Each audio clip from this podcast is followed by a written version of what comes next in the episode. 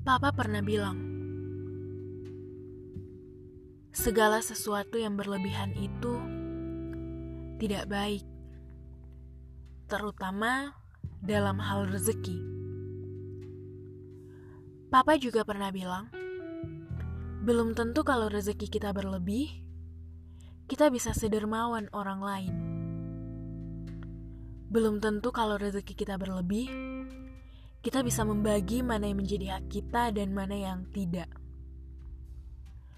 Papa juga pernah bilang, manusia itu diciptakan sesuai sekali.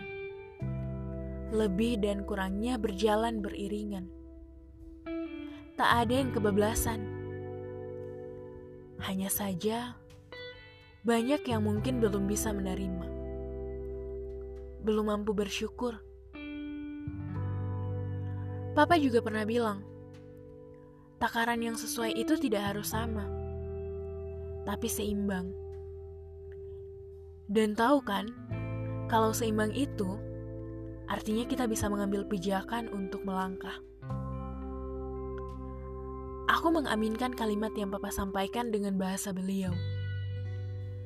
Bahasa ayah, bahasa Indonesia mix Gorontalo.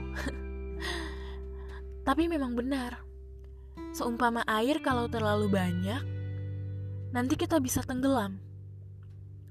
Pun batu kalau terlalu besar, nanti kita bisa terluka. Intinya, apa-apa yang terlalu itu tidak baik. Sekadarnya saja, biar bisa saling melengkapi.